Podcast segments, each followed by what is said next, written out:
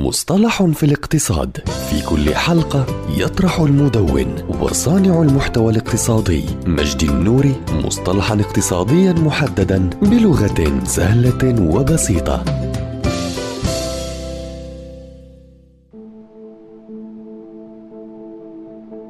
شركة unicorn أو شركة أحادية القرن. ظهر هذا المصطلح لأول مرة عام 2013 على لسان خبيرة التمويل الأمريكية إيلين لي التي استخدمت المصطلح لوصف شركات التكنولوجيا في وادي السيليكون التي تجاوز رأس مالها المليار دولار أمريكي بشكل سريع. أما الآن فقد أصبح هذا المصطلح دارجا للإشارة إلى الشركات الناشئة التي يتجاوز رأس مالها المليار دولار أمريكي بغض النظر عن أرباحها أو طريقة زيادة رأس مالها. وتتميز هذه الشركات بالنمو السريع. ونلاحظ أن معظم هذه الشركات هي شركات تكنولوجية وحتى عام 2019 كانت الشركات أحادية القرن مرتكزة في الصين والولايات المتحدة الأمريكية وعدد قليل منها في باقي المناطق ولم يتجاوز عددها الإجمالي 328 شركة لكن هو في عام 2020 شهدت طفرة كبيرة في زيادة أعدادها حول العالم. أما الآن فقد وصل عددها الإجمالي حول العالم إلى أكثر من 865 شركة بقيمة إجماليها 2841 مليار دولار أمريكي.